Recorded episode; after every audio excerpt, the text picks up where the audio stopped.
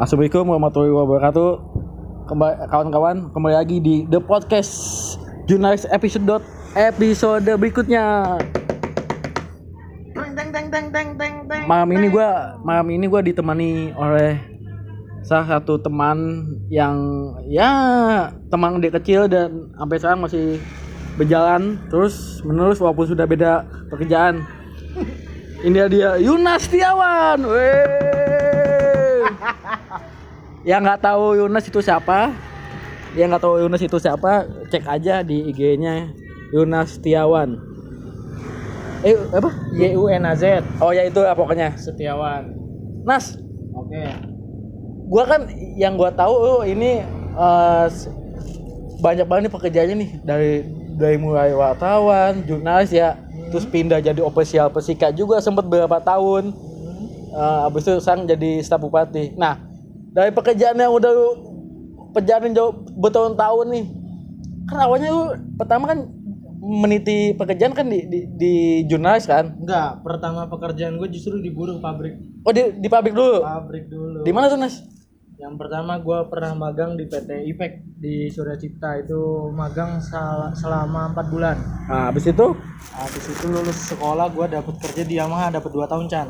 Abis itu, Habis itu baru se- sebelum putus kontrak ada temen kebetulan waktu itu gue masih suka nulis-nulis di blog di blogger kak. oh punya blog juga. Iya, cuma sekarang udah aktif. Sama kayak gue dong. Nah, temen itu nawarin gimana kalau lu nulis di Siapa temennya? Sebutin aja. Namanya Gugun. Nah, gua harus terima kasih banyak sama dia karena dia itu jembatan gua su- eh, masuk ke dunia jurnalistik. Terus Dia sekarang jadi redaktur di Jawa Pos, Jawa Pos Metropolitan. Pas lu, pas lu ditawarin masuk jadi jurnalis itu masuk di, di, di media apaan? Di media Karawang Bekasi Express untuk posisi liputan di desk job gue di umum. Nah, awal kerja tuh gue semangat banget karena ngerasain ini tantangan baru, terus pengalaman baru buat gua. Tapi emang lu Dedo udah bisa nulis? Atau tidak? sebenarnya bisa menulis itu bukan berarti kita harus punya kompetensi s- kompetensi kemampuan menulis kita tuh sebenarnya karena seringnya kita baca kan Iya sih, gua gua. Orang yang nggak pernah baca tuh nggak bisa nulis. Bisa nulis cuma ya berantakan tulisannya. Iya iya iya itu ya itu. Pasti pasti. dan gue waktu itu seneng banget baca tulisannya dari Dahlan Iskan. Ah, Eh, ya, oh, kalau nggak salah ya bos lu- bo- big boss lu ya? ya betul. Big boss lu. terus? gua. Terus tulisannya dari eh, Putut Putut Ea tahu pendiri Mojok iya. Nah itu salah satunya itu. Emang wa- waktu itu dia udah jadi penulis ya? Udah ada penulis buku. Oh, kayak gue dia terkenal. Gue taunya dia gue tahu dia tuh pas udah di mojok aja. Enggak, sebelumnya udah. Ah, pas lu pas lu jadi jurnalis, emang persyaratannya bukan S1. Nah, ini ini ini yang unik. Tahu gua kan Di grup di grup gua tempat dulu bekerja di grup Jawa Pos itu eh, memang secara kualifikasi pendidikan harus S1 Chan ah, di grup Jawa Pos, tapi gue dikasih kesempatan eh, dikasih kesempatan buat nulis. Awalnya tuh gue dulu di tesnya lucu. Gue disuruh, gue waktu itu kan eh, dikasih nomor sama si Gugun ini eh, redakturnya Ka- Karawang Bekasi Express namanya Kusnadi dan lu tau lah Kusnadi siapa. Ya, tahu. Waktu itu Kusnadi tuh gue udah di kantor dia belum di belum di kantor ketemu sama GM-nya namanya Pak Makali. Dia dengan lucunya ya dengan dengan gayanya itu seolah-olah lu anak SMA, lu anak SMK gitu, anak teknik. Ah. Emang lu bisa apa di dunia jurnalistik gitu Ah. kan? Di situ langsung gue dites. Eh, kamu keluar dari kantor, apa yang kamu lihat kamu tulis. Oh gitu. Itu tes pertama lu tuh. Tes pertama gue langsung nggak ada yang namanya psikotes, nggak ada yang namanya interview atau tetek bengek lah, nggak nggak ada formal formalan. Terus lu masih ingat nggak apa yang lu tulis? Ah masih lah. Apa tuh? Waktu itu ada tukang sapu Ah, di Galumas. ah, Gue wawancara aja. Hah? Jadi diwawancara eh, suka dukanya jadi tukang sapu lah. Dan situ gue bikin feature. GM-nya kaget gue tulisan gue lumayan lah ya bukan bukan nyombongin diri. ah, iya nggak apa-apa, nggak apa-apa. Terus Langsung ada itu besok itu langsung gue kerja. Langsung langsung nyari berita. langsung nyari berita dengan status eh, magang ya sebutannya Tapi belum dapat eh, kartu edikat belum. enggak lah enggak Pak. Nah. dan itu pun gua tanpa surat surat apa namanya tanpa surat tugas Nah, tanpa kartu edikat, terus lu masih ha- hari pertama menjadi wartawan kan itu bu- bukannya satu hal yang sangat sulit, Nas. bener gak sih mungkin bisa disebut sulit kalau orang yang terjun pure tanpa punya jaringan sebelumnya gue ini ketolong Chan sama almarhum bapak. Jadi almarhum bapak gue tuh dulu loper koran. Ah nah loper Oh. koran itu kan iya iya paham. jaringannya juga sama-sama ya apa? Iya. masih orang-orang wartawan juga. Nah Ah. dari situ gue masih inget banget sama temennya bokap. Ah di situ gue dibimbing di situ Chan. Ah dibimbing terus supaya eh, lebih punya mental lah utamanya. Kalau di media tuh yang utama tuh mental sama sama kejujuran kita. hmm. Nah ada pengalaman unik itu pas pertama gua kerja itu dua hari setelahnya itu eh, Idul Adha, Idul Adha kalau nggak salah. iya Itu gua dapat proyeksi liputan ke pasar baru, pasar di Tuparep untuk untuk liputan eh, kenaikan harga daging. Iya. Nah, padahal kan lucu sebenarnya ah, daging itu nggak bakal laku Ah. karena kan yang orang kan dapat gratis. Kenapa Iya. gue harus ditanya harus nanya ke pedagang pasar harga daging? Ah. Ya karena arahan dari kantor ya gue harus jalanin kan Jan. Ah. Di situ uniknya gue diusir sama sama pedagang pasar. Kan- kenapa tuh Hah? Karena dianggapnya gue cuma mau minta daging ke sana. oh Karena pertama satu, gue nggak punya ID card, nggak ada surat tugas. Eh ya itulah karena perlu gua akuin kalau wartawan itu udah jadi profesi yang paling mudah untuk di apa paling mudah banyak oknumnya.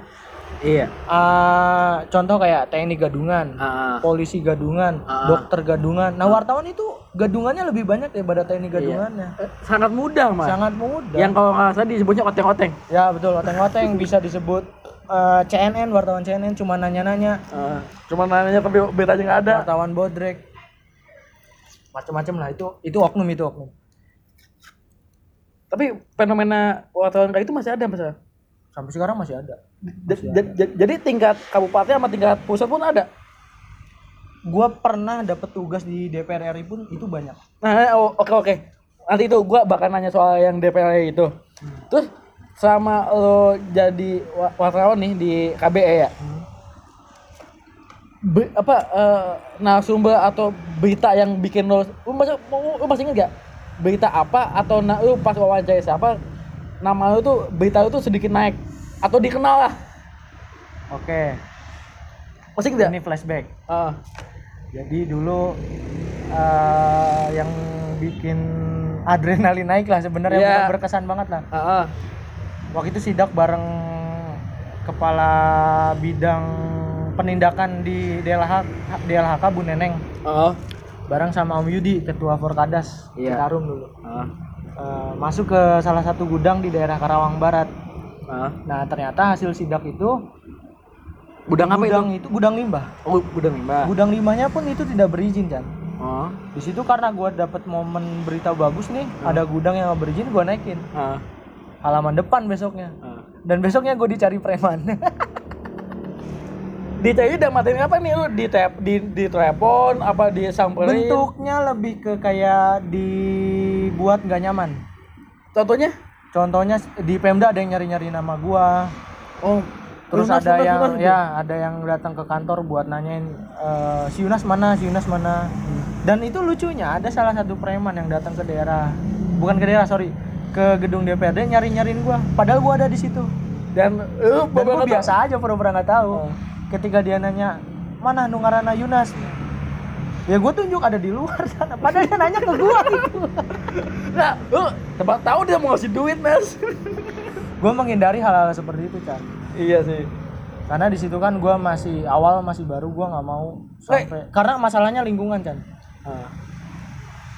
Itu lama lu tuh mau begitu. lu mau bayar berapapun gua gua nggak bakalan sampai ngehianatin lingkungan Kerawang Iya, lingkungan sih soalnya. Ya, lingkungan Kerawang. itu itu buat masa depan kita masa depan kita, anak-anak kita. karena limbahnya limbah B3 limbah beracun gitu Dan itu salah satu berita yang lu jadi ya anjing kayak akibat berita ini nih gua nih Ya. jadi gitu kan nah tuh selain lu selain lu berita apa politik ya Waktu Politik, itu, politik. politik tuh lu, lu pernah pernah nyebar nggak ke berita-berita lain ke pendidikan atau ke mana atau ke Pendidikan- seni budaya dapat dapat sebentar doang kok liputan liputan yang masuk masuk ke sekolah aja nyari nyari siswa berprestasi Iya. ya begitu ya ke ke kepala Nah. sekolah yang jelas dulu gua sempet kerja di pabrik di Yamaha itu tahun 2012 sampai 2014 itu kalau nggak salah saya ingat gua gaji pokok tuh masih 2,2 Ah. 2 juta 200 full lembur itu gua masih nerima sekitar 5 sampai 6 pertama kali gua jadi wartawan honor gua 800 ribu Chan. Itu yang bikin gua ngedrop dulu. Iya iya. Karena kita dibayarnya masih per berita. Iya. Dan itu beritanya pun bukan berita yang kita kirim yang kita yang dibayar. Ah, tapi berita yang udah ditayangkan. Yang ditayangin. Ya jadi oh yang, yang tadinya nerima gaji jutaan tau tahu ratusan ribu. Dan lu bertahan dan itu gua harus ngehidupin ade sama ibu gua Dan lu dengan banyak cicilan. dan lu tuh bertahan berapa lama tuh gue jadi wartawan dari 2014 sampai terakhir kemarin 2018 akhir. Cuma di satu media kan? No no. Gua di KBE gua milih resign eh, karena ada tawaran buat ngediriin majalah Majalah apa? pariwisata. Siapa yang diin Bang Gabriel. Oh Bang Gabriel itu ketua Perhimpunan Hotel dan Restoran di Indonesia. Dia punya proyek buat mempromosikan wisata di Kabupaten Kerawang. ah. Ya namanya kalau di bola mah kayak ditransfer lah. ya ya Gue tergiur dengan honornya itu. ya ya pasti lah kan uh, gua gua amin gak digaji gajinya mandet atau gaji dipotong habis itu dari situ habis dari majalah Itu dari majalah berjalan cuma dua kali Terbit, edisi? ter- dua dua kali edisi. ah Dua kali edisi terus di internal kantor itu ada masalah. ah Masalahnya nggak bakal gue buka karena sangat sensitif kalau Iya. gue buka. ah terus yang Nah dari situ setelah majalah itu setelah majalah itu sebenarnya gua se- setelah majalah itu gua juga masih di lapangan gua, tanpa gua, media? Oh. gua nyambi nyambi nyambi jadi redaktur di beberapa media online karena beberapa media online itu butuh butuh eh, orang yang udah pengalaman di media supaya tatanan bahasanya lebih rapi lah, Iya. lebih Siapa- rapi. media apa aja tuh? Media online ada dulu waktu itu kan masih nggak begitu banyak ya? Ya nggak begitu banyak. Baskom News sama Alexa. Ah. Alexa News itu dua-duanya masih ada. Terus? Gue jadi redakturnya. Setelah situ? Setelah di situ gua sempat masuk lagi nggak? Hah? sempat, sempat, sempat masuk lagi nggak ke media? Enggak udah selesai? Udah selesai. Nah, gua mau tahu waktu katanya ditugaskin di dapat tugas di gedung dewan di gedung DPR ya Hmm. di Jakarta itu berapa lama? tahun 2016 Jakarta butuh wartawan buat ditempatin di DPR RI sama di kementerian sebenarnya di situ gue bukan liputan khusus berita Apa? jadi lebih ke kebutuhan ik, kebutuhan iklan Heeh. Nah, kalau di koran itu suka ada berita-berita tentang DPR, tentang program-program kementerian itu yang nulis gua. Dan itu gua sebarin ke radar radar Tasik, Hmm. Bandung Express, Jabar Express, ke grup-grupnya Jawa Pos lah. Iya. Yang kayak Cianjur Express, terus radar Tasik tadi udah gue sebutin, Bandung Express, Karawang Bekasi Express sama Cikarang Express. Itu berarti susahnya mencari berita di ibanya gedung nomor satu ya ibanya di, di Indonesia ya? Nah, Itu bukannya bukannya susah mas? Apa gampang? Enggak, karena kan gua bukan bukan Bukannya buat berita ya? bukan buat nyari berita untuk dikonsumsi, bukan untuk produksi berita, Ah. tapi lebih ke marketingnya. Jadi Oh. ketika misalnya lu anggota DPR, Oh. lu butuh kegiatan lu pengen di Yuk. di dokumentasi di Iya. koran. Ah. Nah, itu gue yang turun. Jadi gue lebih gampang sebenarnya di posisi itu. Dan, dan lu bertahan berapa lama di situ? Dua tahun. Terus eh, lu pengen pindah sendiri apa? Enggak, jadi gua waktu di Jakarta itu sebenarnya Kehidupan. lebih bukan bukan kehidupan. sebenarnya enak di Jakarta. Pertama gue difasilitasin gaji pokok. Ah. Terus ada mes. Jadi di sana cuma modal sabun aja. Hmm. Terus yang memutuskan untuk Yang memutuskan gua untuk Jakarta balik lagi ke Karawang satu ibu gua Chan Oh. sama adik gua. Mereka cuma ada mereka cuma berdua di Karawang dan waktu itu ibu gua dirawat, ibu gua nggak ngabarin gua sama sekali. baik lagi ke keluarga Gua berarti. ya? balik lagi ke keluarga. Katanya lu Tetap keluarga nomor satu. katanya lu dulu sempat ketemu Ma- Na- Naswa Shihab. Ya, dia itu jadi duta perpustakaan. Nah, waktu itu gue juga liputan di kantor perpustakaan di sebagai Jakarta. sebagai wartawan yang dari Kerawang ya dulu ketemu Naswa Shihab sebagai salah satu ikon lah saat ini senang banget kan ya seneng cuma Ya. sedihnya nggak dapet kesempatan buat ngobrol dan foto-foto gue kehapus sampai gue hilang. Aduh. Sebagai salah satu jurnalis yang diidolakan kan? Asosiasi selain kan alias tuh. Terus abis berarti lu jadi total jadi wartawan cuman? Cuman dalam rentang waktu empat tahunan ya. 4 tahun. 2014 sampai 2018 empat tahun eh, bisa berjalan dengan suka dukanya dengan gajinya itu sangat lumayan nas. Ya habis itu juga ditambah setahu gua banyak yang waktu, waktu itu sedikit anggap rendah karena lu tamatnya STM ya betul. Eh gua tahu itu. Lu tahu kan? Heeh. karena mayoritas teman-teman kita waktu itu S1 satu. Anak STM ngapain? Nanang onan eta. Aduh. Lu harusnya nggak resistor ya kan? Hah? lampu LDR kan? Kenapa lu jadi ke naskah? Nah. nah balik lagi ke passion kita Chan. Pendidikan lu belum tentu ngebawa lu ke jalur yang lu sesuai dengan pendidikan iya. Nah mis iya. Gua gua, gua setuju tuh. Lu kerja itu di mana lu ngerasa nyaman ngerasa cocok dan sesuai dengan passion lu. Ya kan? Iya. Ya walaupun gua sekarang udah nggak udah nggak di jurnalis gua tetap kerjanya hampir sama kayak kayak wartawan. Iya sih emang. Kayak emak gue aja, emak gue dulu kan dia sarjana hukum, tapi ujungnya jadi wartawan wartawan juga. Terus lu, nah dari dari wartawan bisa timpang ke official Persika Karawang. Salah sa- satu-satunya tim sepak bola yang ada di Karawang. Itu awalnya gimana mas? jadi dulu itu gua eh, namanya orang kan namanya laki-laki kan seneng bola tuh wajar kan cari Enggak, tapi dulu waktu lu jadi wartawan lu suka pernah liputan tentang Persika nggak sih? Iya, itu awalnya dari situ. Oh. Cuma gua yang sering rutin ikut di Persika motret karena gua punya modal kamera waktu itu. Ceritanya punya modal Oh, kamera mah mas ngapain dibitain ya? Aduh. Iya. Aduh, nah nah orang pasti kan nggak ada itiannya ngapain dibitain ya? Tapi lu tetap fokus bitain, bitain. Di situ gua direkrut Oleh sama Pak Gun jadi fotografernya awalnya. waktu itu Pak Gunadi jabatannya apa? Di Manajer, di- manajer. oh dia manajer Persika manajer. sekaligus ketua Satpol PP. Waktu itu jabatannya masih Kabit Pora. Hmm. Berarti lu diajak buat jadi official Ya, di bagian di bagian dokumentasinya. itu tahun Tahun 2017 dan gue tuh masih posisinya masih di media ya Chan ya. Ah, 2017 gue motret buat Persika pertandingan per- di kandang semua. Ah. Nah, gua waktu ke luar kota itu juga gua curi-curi waktu Ah. buat ngambil motor Persika dan waktu itu gua nggak digaji sama Persika tahun 2017. berapa bulan lu nggak digaji? Nggak digaji ya selama musim. Ah, Dan itu karena gua nggak terikat cuma diminta bantuan aja waktu iya, minta bantuan dokumentasi Iya, aja. betul. Dan gue suka rela. Waktu itu Persika di Liga 2, Liga 3. Waktu itu namanya Iya Liga 2, udah Liga 2. Liga dua. udah disponsorin ada pupuk kujang itu bu, bu- Buku Jang Peruri, Yamaha. Ah. Terus dari dokumentasi bisa pindah ke apa? Yang jab- jabatan lu dulu. officer. Ah? peralihan manajemen.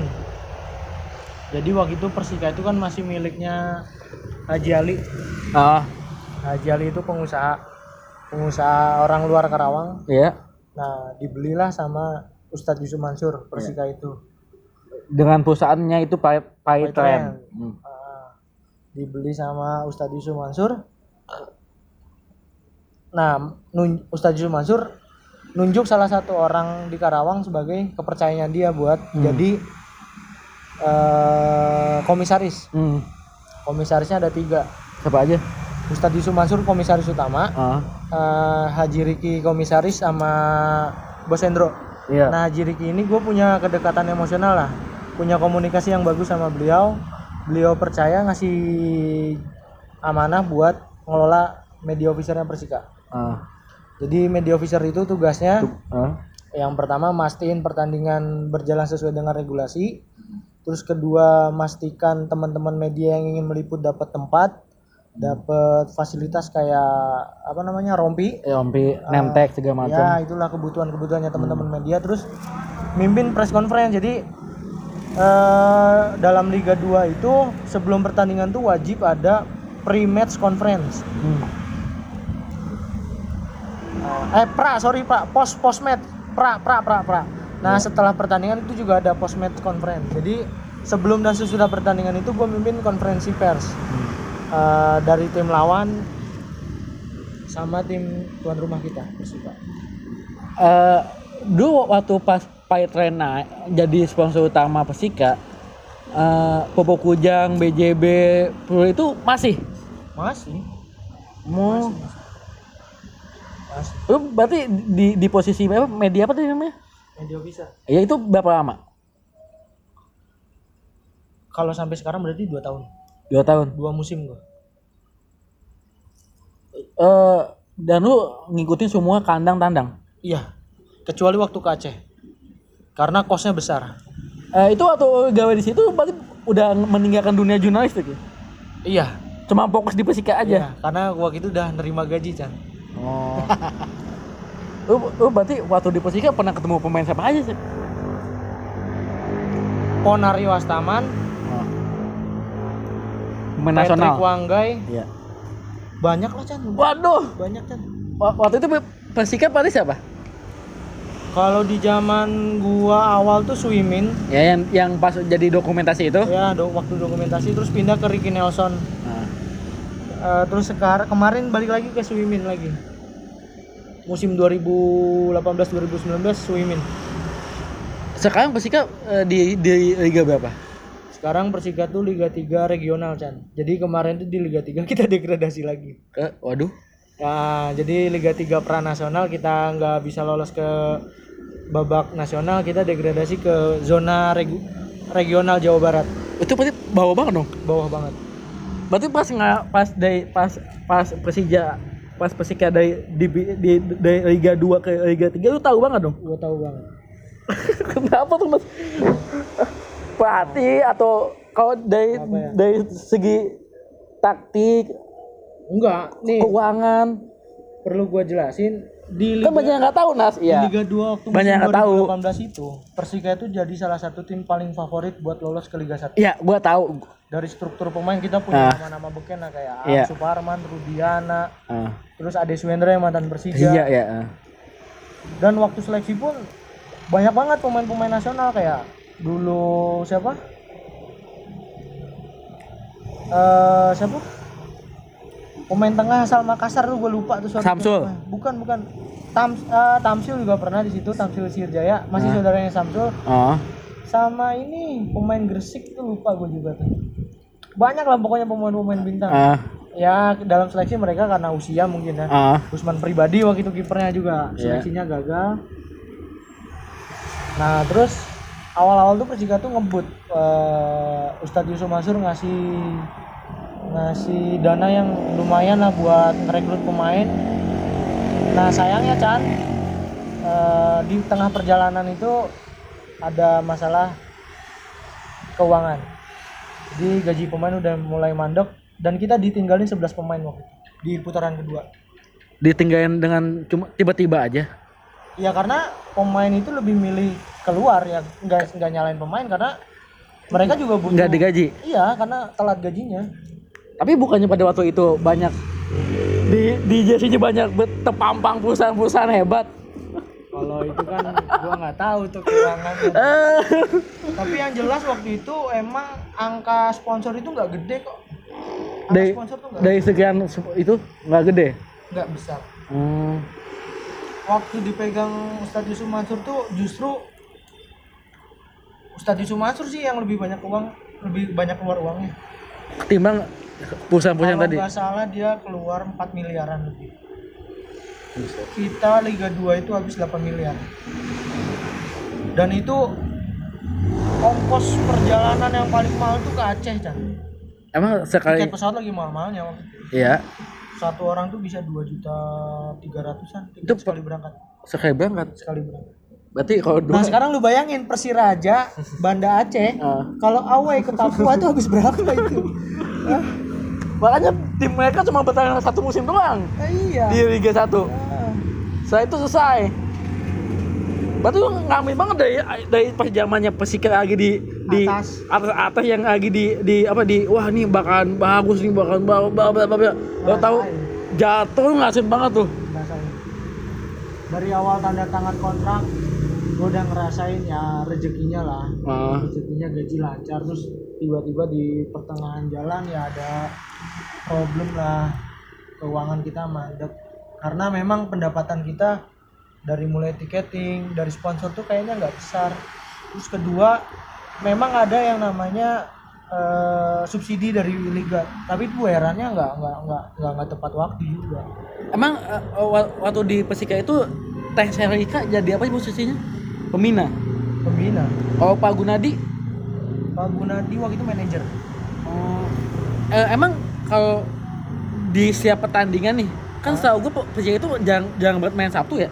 nah itu permasalahannya Nah kenapa sih? Soalnya gue tahu banget Persika itu rata-rata mainnya Kamis, Senin ya Terus kadang-kadang. sudah gitu mainnya jam 3 Eh, kan? eh, itu dan itu tuh ya nggak eh, eh, banyak banyak keluhan nas.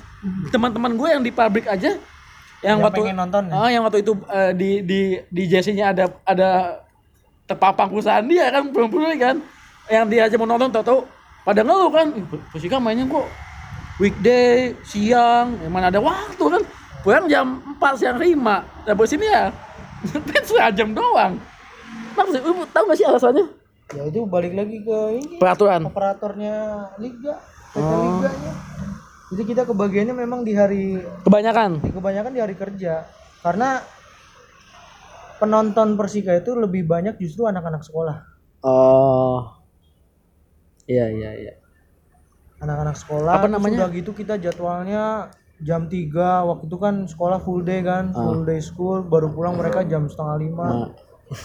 itu ya itu ngaruh juga. pendapatannya sepi sementara kita persiapan pertandingan itu ini perlu gua buka ya Persika itu kalau mau main minimal punya dana sekitar 50 sampai 60 juta main ka- kandang buat kandang. panitia buat Kandang. kandang buat kandang untuk keamanan untuk produksi tiketing Hmm.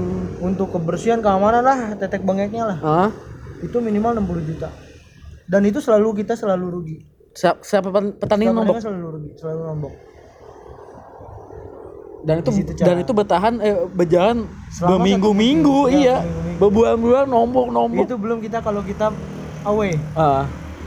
Away keluar kota. Hmm. eh apa nama nama pendukungnya Persika itu pendukungnya itu ada empat. Apa aja? Pertama Brigata Laskar Jawara. Itu ultrasnya. Ah.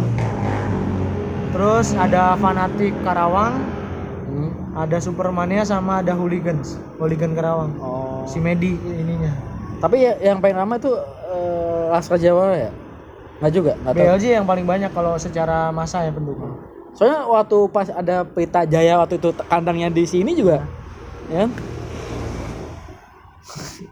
jadi begitu ya? Begitu jadi tiket tiketnya kita kebanyakan rugi kalau main di kandang.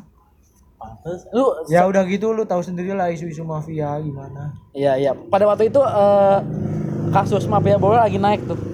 Setelah kita degradasi. Iya iya. Setelah kita degradasi baru itu berita-berita itu Ah, naik. ya, sebenarnya juga kita gerah juga sih. Sampai- banyak dirugiin di pertandingan pertandingan kandang. Kandang? Di kandang kita dikerjain wasit hmm, contohnya masih nggak pas pas lawan apa waktu lawan tim dari Sumatera gue nggak mau nyebut klubnya. Ah itu wa- pokoknya wasitnya itu kontroversi banget bos. Beneran sumpah. Beberapa kali momen memang gue tuh pengen ojok wasit. Mas, tapi lu pas pas pas datang pas awal-awal datang ke Persika terus jadi tim jadi official Persika. Berarti lu udah sangat cinta Persika Persika pa- pada, pada waktu itu. di situ gue Padahal gua tahu nggak gue punya lu itu motivasi PSS Sleman. ya gua gua orang gua kelahiran Sleman gua tuh punya motivasi di Karawang ini kan eh, apa ya pendukungnya lebih banyak ke Bandung sama Jakarta Iya, Jack picking. Ah, kenapa sih kita nggak nggak dukung tim lokal kita sendiri Iya. dan kenapa gua milih Persika karena gua kerja di Karawang Hmm. dan Persika tuh punya potensi buat dikembangin Iya, pada Karena waktu itu ya. tahu sendirilah di Karawang ini banyak industri terus fanatisme masyarakat Bola. ya kebolanya juga bagus cuma ya itu kita dapat jadwal pertandingan yang nggak pas waktu Hmm. Tapi lu pernah nonton PSS Sleman nggak sih? pernah lah pernah lu masih men- mencintai PSS Sleman? bukan mencintai ya ya kayak udah harga stadion- diri tuh Oh. Oh, kata gua stadion di Jawa yang salah satu stadion Jawa yang bagus tuh Magu aja. betul tapi di Jogja tuh stadionnya bagus-bagus semua ada Mandala Krida Sultan Agung Bantul sama Magu Harjo Sleman itu punya kalau nggak salah ya Ah. punya dua Magu Harjo sama Benteng Tridadi yang dipakai sekarang Sleman ya PSS Sleman itu ya itu Maguwo Sekarang Benteng dia- Tridadi udah nggak kepake dia main- buat Sleman United Main di mana tuh? Liga 2. apa Sleman Ah. ya Liga 1 dong Oh, gua nggak tahu. Oh iya iya iya iya iya. iya. Lupa lupa lupa lupa. Liga 1 Berarti lu harus nonton. Kalau misalkan Nonton. Sleman main di sa- mau minimal di Jakarta di Bau- di Bogor atau di Bandung gue insya ya, Allah berangkat. minimal minimal di Jakarta dah. Ya. Di Senayan yang dekat yang cuma sejam naik tol, ya kan? Wis, kampung aman gua deh. Ya kan? tetap gue Sleman kan udah maju kan udah di sini sama orang-orang maju gue pengen berharap Persika ini bangkit dan kembali lagi ke liga yang seharusnya Hmm. dia ada gitu Iya, iya. Iya emang. Karena Persika aja dari namanya tuh kan Persika, Karawang. Namanya tuh kayak nama-nama tim-tim gede. Persija Jakarta. dan jangan salah kos sepak bola di Indonesia tuh gede gaji-gaji pemain tuh perlu gue buka ya Hmm? di Persika itu ada pemain paling tinggi gajinya di angka 26 26 apa? 26 juta per bulan Eh, paling rendah paling rendah itu di angka 5 5 juta. Iya 5 juta. Ada yang magang sih, ada yang magang hitungannya ya satu jutaan lah. Dan lu bayangin, kos satu bulan buat gaji pemain itu bisa nyampe 450 juta sebulan. Hmm. Zaman musim 2018-2019 Iya, waktu pertama kali dibeli sama Ustadz Yusuf Mansur. Sementara cash in kita Sekarang yang yang pemilik Pe- Persika siapa? Pemilik Hmm. pemiliknya Ah. ya masih Ustadz Yusuf Mansur. Oh masih? Masih, tapi di Liga 3 kemarin beliau vakum. Oh. Jadi yang Vakum, membiayai vakum itu dana.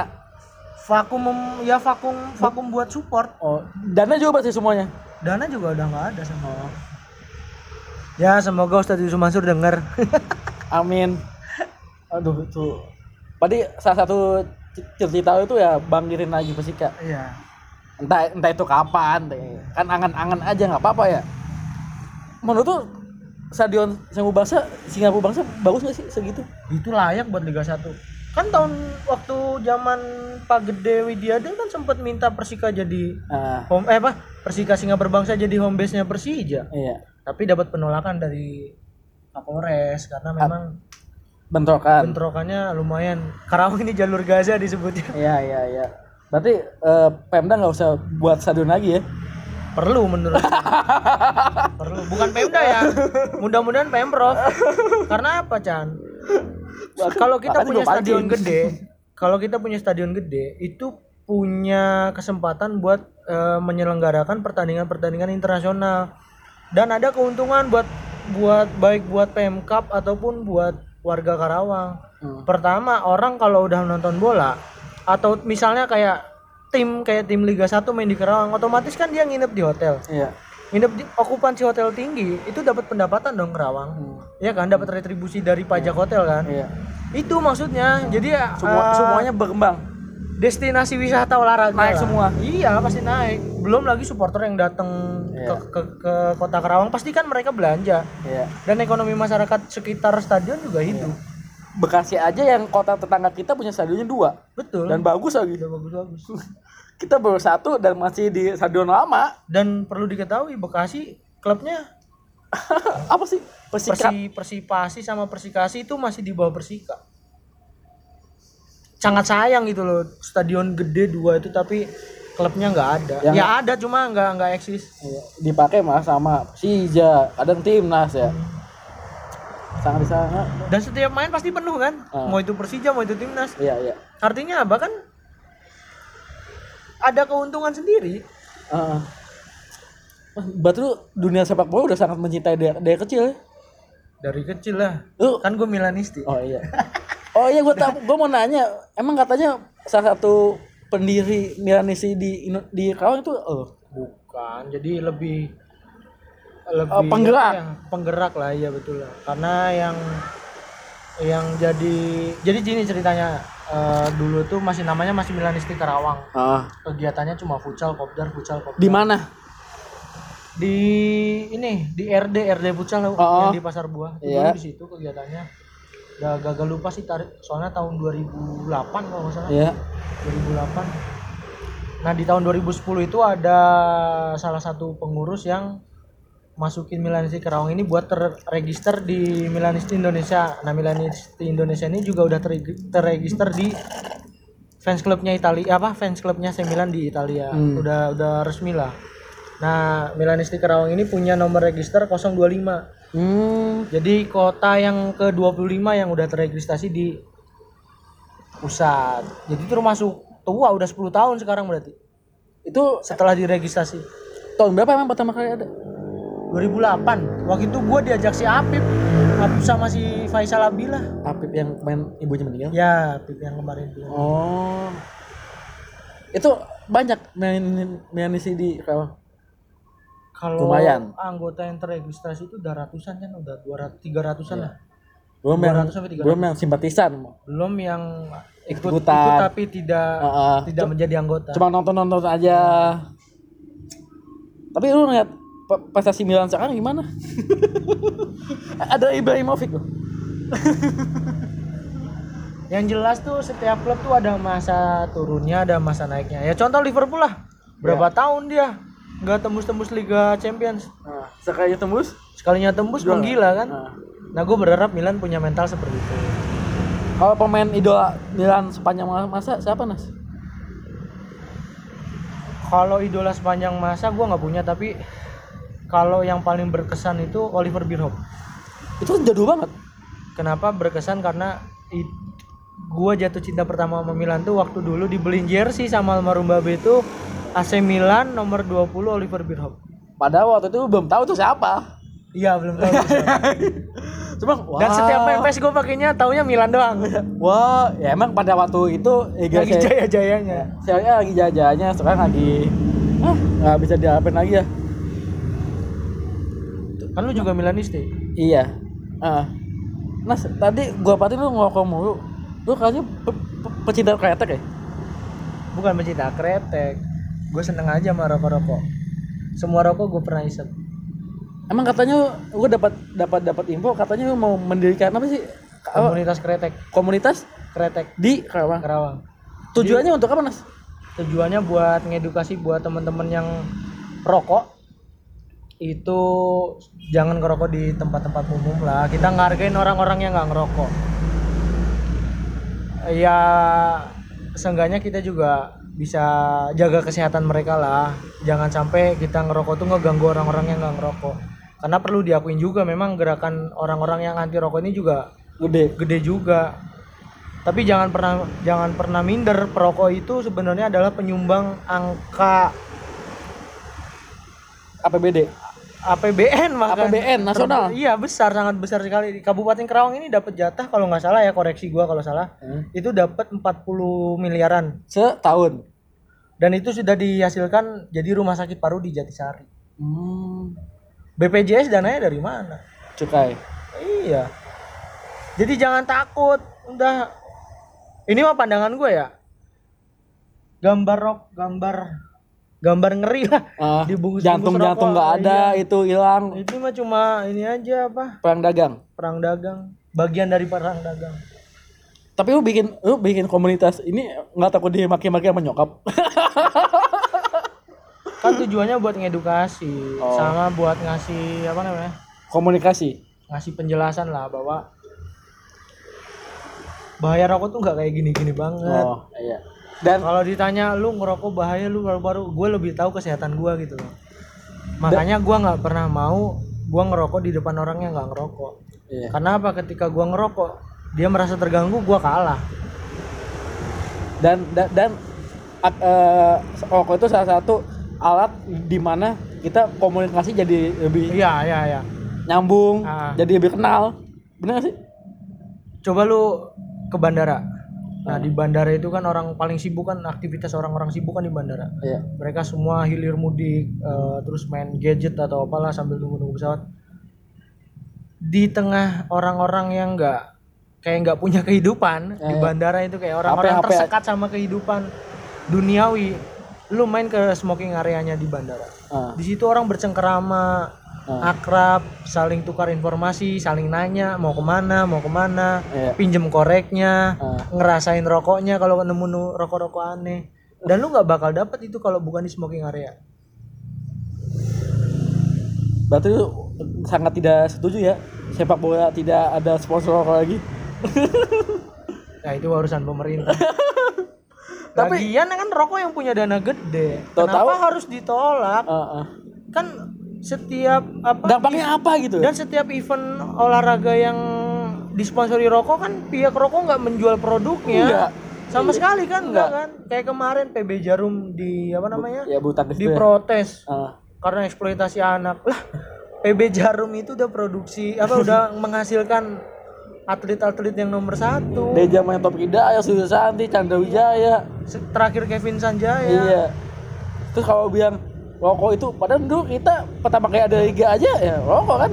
Liga Kansas liga Daniel, Kopaji Samsu liga Jarum. Liga Jarum. Dan perusahaan-perusahaan lain palingan ya bertahan satu dua musim. Jadi itu rokok itu sangat ini ya iya lah pengaruhnya. Makanya mbak mbak Sudio Sujio Tejo itu sangat rokok aktif. Dan orang-orang NU juga. Mbak Nun. Bahnon Nas gua tahu sekarang lu jadi ini apa namanya? Ya staf bupati. Ya betul. Dari kapan Nas? Sebenarnya bukan staf bupati jadi lebih ke humasnya bupati. Humasnya bukan humasnya bupati humasnya pemkap. Lu awalnya gimana? Kok bisa jadi ada di posisi itu?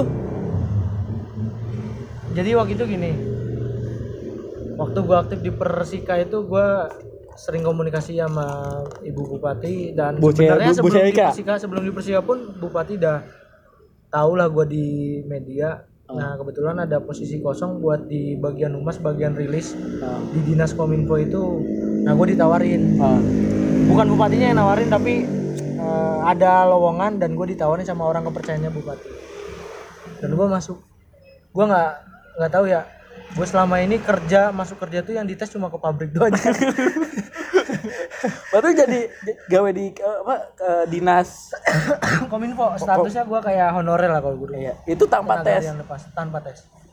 Di bagian eh, sta- Kehumasan. ke- kehumasan bupati. ya jadi dalam satu bulan itu gue dibagi satu minggu jadwal buat bikin rilisnya kegiatan bupati satu minggu jadwal wakil bupati satu minggu lagi jadwal sekda Oh. Semenjak tahun November 2018 semenjak berarti udah setahun lebih ya? udah hampir dua tahun Iya ya, udah udah mana mana Nas. udah lama Lu pa- paling jauh ke mana Nas? meliput bupati paling Bandung Jakarta aja sih kalau di bola gue paling jauh ke Pekanbaru waktu di Persib Berarti EB, EB Jawa di bola dibanding bupati ya? Sebenarnya kesempatan di bola itu gue manfaatin karena dulu cita-cita gue muter-muter Indonesia Oh. dan di bola gue dapet Apa jangan yang lu penggedokan Tommy Bung Towel? Dia kan Nah, eh, gua- gua Bung pernah- Towel itu setahu gua jurnalis Hmm. Kompas, ju- ju- jurnalis Kompas sepak bola yang jadi eh, eh, pembicara di TV dan se- jadi PSSI Nah. Betul. anggota PSSI ya. dan gue dulu pernah kerja sama kok sama Bungkus Bung kan? Towel? Bungkus Oh, Bungkus bungkus. Ah, komentator Iya. Waktu itu kan dia juga sama orang kepercayaannya Ustadz Yusuf Mansur. Ah. nah gue dibimbing sama dia waktu jadi media officer. Bungkus Naidi langsung. Lewat WA Kusna ini enggak ketemu langsung. Di mana? dua kali gue dapet kese- kesempatan buat ketemu dia. Di mana tuh? pertama di Jak eh, dua-duanya di Jakarta. Apa yang lu dapat setelah lu ketemu Bungkus itu? Dia kan sangat terkenal, gue bukan apa yang gue dapat gue lebih banyak mempelajari tentang dia. Contohnya? dia sih ngasih arahan supaya eh, ngebentuk eh, pemberitaan tentang Persika ini menarik. Hmm. Jadi lebih ke di media sosialnya lebih aktif, lebih kreatif dan menarik followers, Hmm. followers ataupun eh, jumlah apa namanya jumlah like di Facebook. Hmm. Terus apa namanya? Waktu pas lu ketemu dia, posisi dia tuh udah eh, anggota PSSI apa? Sehingga tuh Dia tuh punya media kalau nggak salah oh. bola tren. Oh, bola tren. bola tren bola tren ya Terus balik lagi nih ke, ke staf bupati nih. hmm.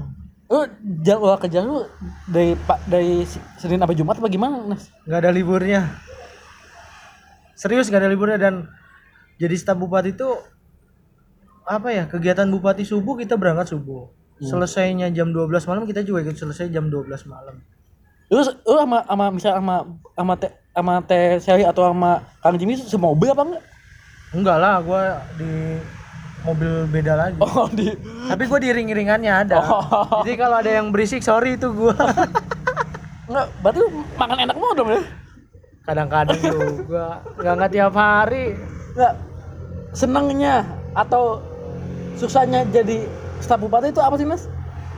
yang pertama bukan susahnya Nggak, ya sedihnya lah. Ah. sedihnya tuh kita lebih jarang sama keluarga. Jadi lebih lebih ngabisin waktu buat buat kerja. Jadi jadwal kerja kita sesuai dengan kegiatannya bupati. Sebenarnya kalau bupati nggak ada kegiatan pun kita juga bisa santai di tempat kerja. Bahkan bisa bisa seharian di rumah juga bisa. Hmm. kayak di hari Sabtu Minggu misalnya nggak ada kegiatan ya gue libur anggapnya. Eh, tapi ketika ada kegiatan ya udah. Bahkan gue lebaran pun nggak bisa pulang. Tahun ini. tahun ini. Da- dari tahun kemarin sama tahun ini. Jadi dua kali lebaran gue dapat jadwal di open house bupati. Oh, pas pagi-pagi aja banget itu. iya setelah sholat. Enggak lu maksud gua eh eh, bikin bikin laporannya itu di tempat apa setelah udah kunjungan setelah kunjungan gue bikin beritanya di mana? Di HP apa di di HP karena kalau gue balik lagi ke kantor buat ngetik ngabisin waktu Oh, bi- oh, nu- nulis di HP terus ngirim ke Gmail gitu. iya langsung dikirim Hmm. jadi berita-berita kegiatan bupati wakil bupati atau sekda tuh yang bikin gue Senangnya apa, Nes? Lu bisa ketemu senangnya Kalau gue nggak punya salah pernah- relasi yang banyak Oh, nggak salah pernah ketemu eh, Pak Kamil ya? Ridwan Kamil. ya Jokowi Hah? Jokowi mana? ya iyalah tapi ya nggak bisa Ya, nggak ya. bisa kesempatan Sedekat buat itu lah dekat itu karena ada protokoler ya. yang ngebatasin yang kita. harus di, di ditaati ya. iya betul dan yang paling gua seneng selama jadi humas bupati itu lebih ke apa ya ilmu pemerintahnya gue dapet karena mau nggak apa karena gue punya punya niatan buat buat maju yang maju lebih jauh lagi Oh. minimal jadi anggota DPRD lah Oh. Berarti ada niatan buat masuk anggota partai dong. Suatu saat. suatu saat Sekarang mempelajari dunia politiknya aja dulu lah. Ya, Dunia politik dan dunia pemerintahannya. Birokrasi ya. Segala-segala macamnya. Mas, gila. Kalau setahu gue salah satu jeburan anak komplek yang paling paling apa ya menanjak lah pekerjaannya. enggak lah Enggak, bukan menanjak karena gue konsisten Iya, beda sama gua. karena ada juga anak komplek yang bagus ya banyak, Wah, bagus. Banyak banyak banyak banyak banyak banyak. Eh set- dalam seminggu berarti lu bisa pulang ke rumah kadang pulang kadang enggak. iya kadang pulang kadang enggak dan itu sangat capek Chan beneran Eh, bener capek. Gua gua salut gua kagum sama bupati sama pak wakil sama pak sekda itu fisiknya luar biasa Pak sumpah. Acep, Sar. ya pak Acep. fisiknya luar biasa. Gua aja yang masih muda Ya kadang. mungkin dia suntik vitamin seminggu iya kita kan gak kebagian ya. Bu atau bu anggarin kesehatan bu. Tahu gua mah jabatan segitu ada suntik vitamin setiap minggu nas. Iya. Nah, kan? Buat daya badannya kan? Iya. Tapi kalau di eh maksud gue ini lu kan staf bupati kan di eranya dan Kang Jimmy nih. Hmm. setelah nanti periode berikutnya nggak tahu bupati siapa lagi lo masih ada di posisi posisi itu tuh nggak nas?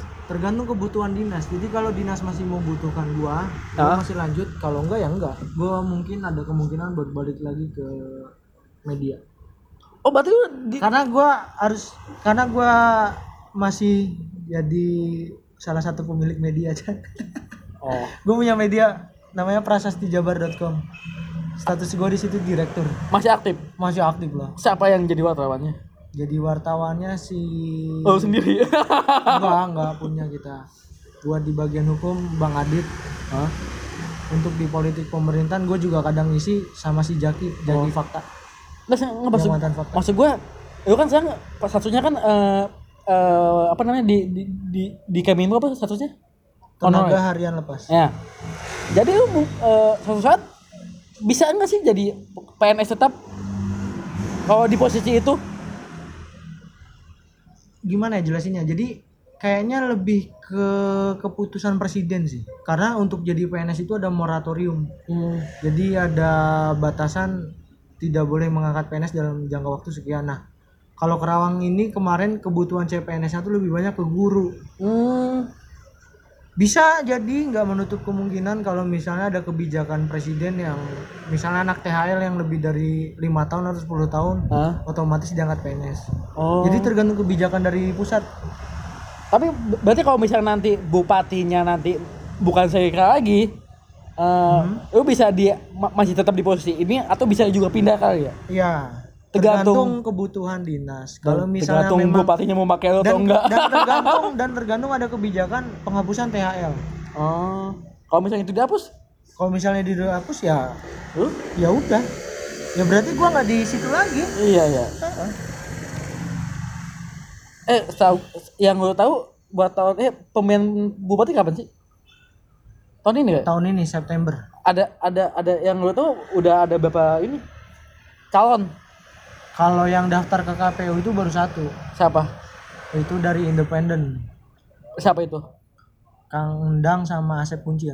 Oh Nah, iya. kalau untuk iya. yang dari partai itu bulan habis lebaran kalau nggak salah. Bukit banyak tuh. Bulan Juni baru pembukaan pendaftaran buat calon pasangan yang dari jalur partai. Hmm, Mungkin kan Jimmy, Ya mungkin mungkin Syarika, mungkin Yunas juga mau maju. mungkin yang lain-lain. Oh.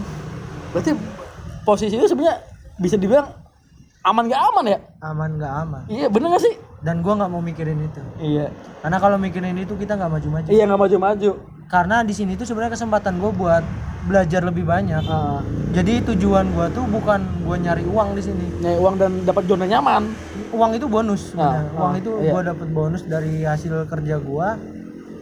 Tapi gua harus punya sesuatu yang lebih jauh lebih maju daripada yang sekarang. Dan gua pengen karir gua naik ya gua kuliah. Dan lu apa sih belum gue ya? Belum. Kenapa? Kan gua ngebiayain Oh iya. banyak biaya yang harus gua tanggung. Men- menurut lu menurut lu Kerawang ke depannya ya dengan banyaknya pabrik dengan banyaknya pendatang bisa nggak menurut lu Kerawang tuh bahkan jadi kota yang menyaingi Jakarta Ya bisa lah. Bisa. Kerawang ini soalnya gua perhatiin Nas pendatang ke sana tuh banyak banget Nas ya iyalah. Sekarang UMK tertinggi di Indonesia tuh Kerawang, Bos. iya ah. Ya udah ngalahin Jakarta bukan bukan bisa ngalahin Jakarta, udah ngalahin Jakarta secara ini, secara apa namanya? Secara pendapatan warganya dari UMK ya, dari upah minimal minimum kerjanya. Pantesan di di daerah Tuk Jambe yang mau jadi kades aja betul rebutan. Nah, yang jadi rebutan tuh gimana tuh? Kenapa jadi rebutan? Gue tanya balik ke lu. Mungkin proyekan-proyekan Seksi ya wilayahnya ya. iya ya Bisa jadi. nggak setahu gua di Kerawang kecamatan yang paling eh, Lahan basah. lahan basah itu Tuk Jambe.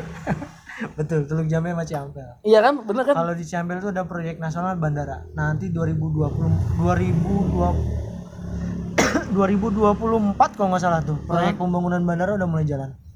Oh, Tuk Jambe. KRL tahun ini udah mulai mau berjalan ya? Iya. KRL masuk ke Karawang. Ah, Informasi nih buat teman-teman. Eh, pihak PT KAI udah menyetujui pembangunan jalur KRL sampai ke Karawang.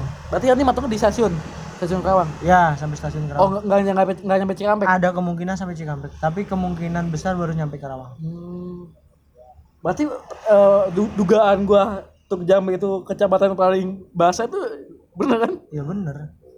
Bandara tuh nanti rencana Ciampel. Di Ciampel bandara. Eh, lu tahu kenapa gue pernah dapat info katanya Cikampek mau memisahkan diri. Itu bener gak sih? memisahkan diri itu benar jadi mungkin maksudnya dia dia mau kayak kabupaten dia mau ngebuat kabupaten sendiri. Kayak Ciamis kota gitu. madya jadi kota madya iya kayak Ciamis sama Tasik. Ta- dulu kan Ciamis masuknya kan. Jadi ada ada beberapa tokoh masyarakat Cikampek yang mungkin gak puas sama bukan gak puas ya jadi lebih pengen pengen ngembangin diri. Oh. pengen ngembangin diri jadi lebih mandiri mungkin ya. Iya.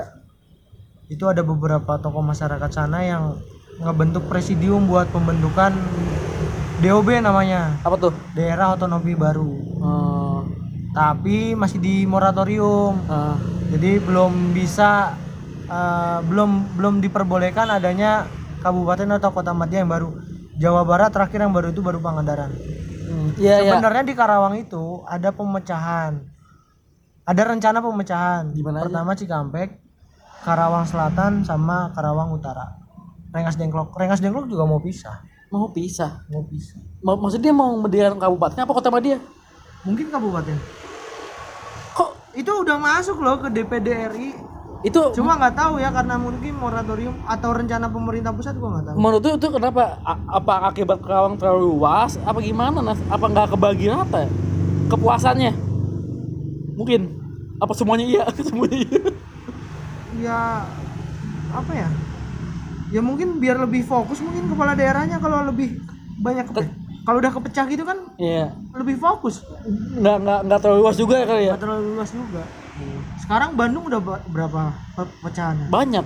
Bandung Bandung Barat Bandung Barat Cimahi ya. Cimahi Kabupaten Bandung. Kabupaten Bandung. Iya Bandung aja banyak banget ya. Iya.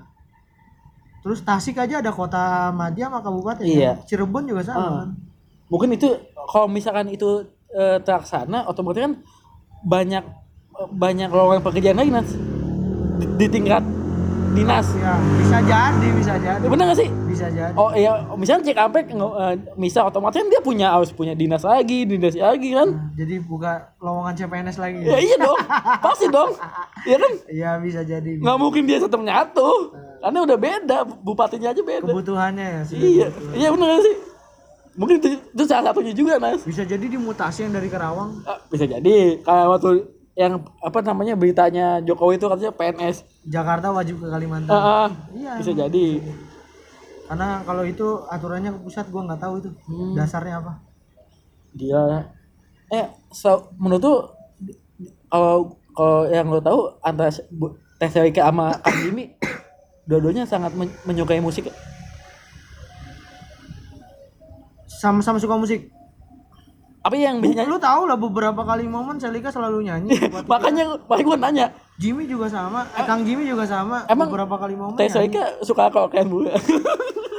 Gua nggak tahu bos. Karena gua, gua akuin ya? Mungkin di rumah suka. Ka- karena gua karena kan nggak mungkin gua kegiatan pribadi juga sampai ikut-ikutan. Gua nonton. Ih soalnya bagus aja. Kok bagus banget Teh Selika ini? Karena di beberapa momen memang selalu nyanyi ya artinya dia juga suka musik.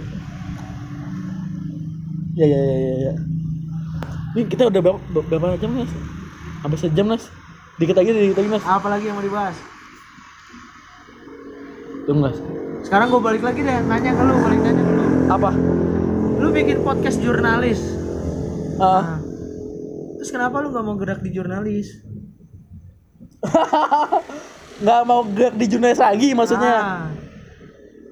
apa karena gajinya kecil Hmm, mungkin apa karena mungkin belum dapat media yang pas aja kali. ya di media gua lah Boleh? tapi nggak digaji bukan nggak digaji jadi bayaran per berita Ah, ya gue paham. Ah, mungkin nanti ya setelah gua udah ada udah ekonomi ek- ekonomi stabil.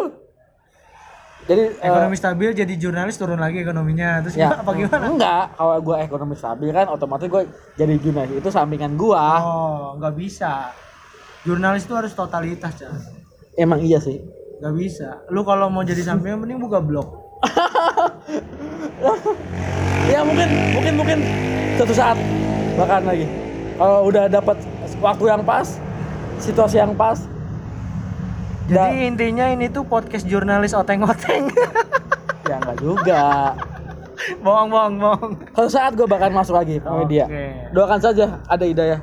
Karena eh, doakan saja ada majalah musik yang oke majalah musik yang mau menerima gua dengan apa adanya Tapi kan standar kualifikasinya S1. Makanya gue insya Allah kuliah dulu. Nah, bareng lah sama gua. Ayo, UBP. Gua tahun ini udah daftar Di mana? di UBP ilmu hukum. Kapan daftarnya? Kemarin. Mulai masuknya kapan? ribu pendaftaran. Mau masuk kapan? Mulai tes lah. Tes mah tes bulan Mei gua. Oke. Insya Allah. Iyalah, jadi harus ada motivasi buat ke depan. Pengen sih Nas. Ya, gitu aja. Assalamualaikum. Nantikan ya tayangannya.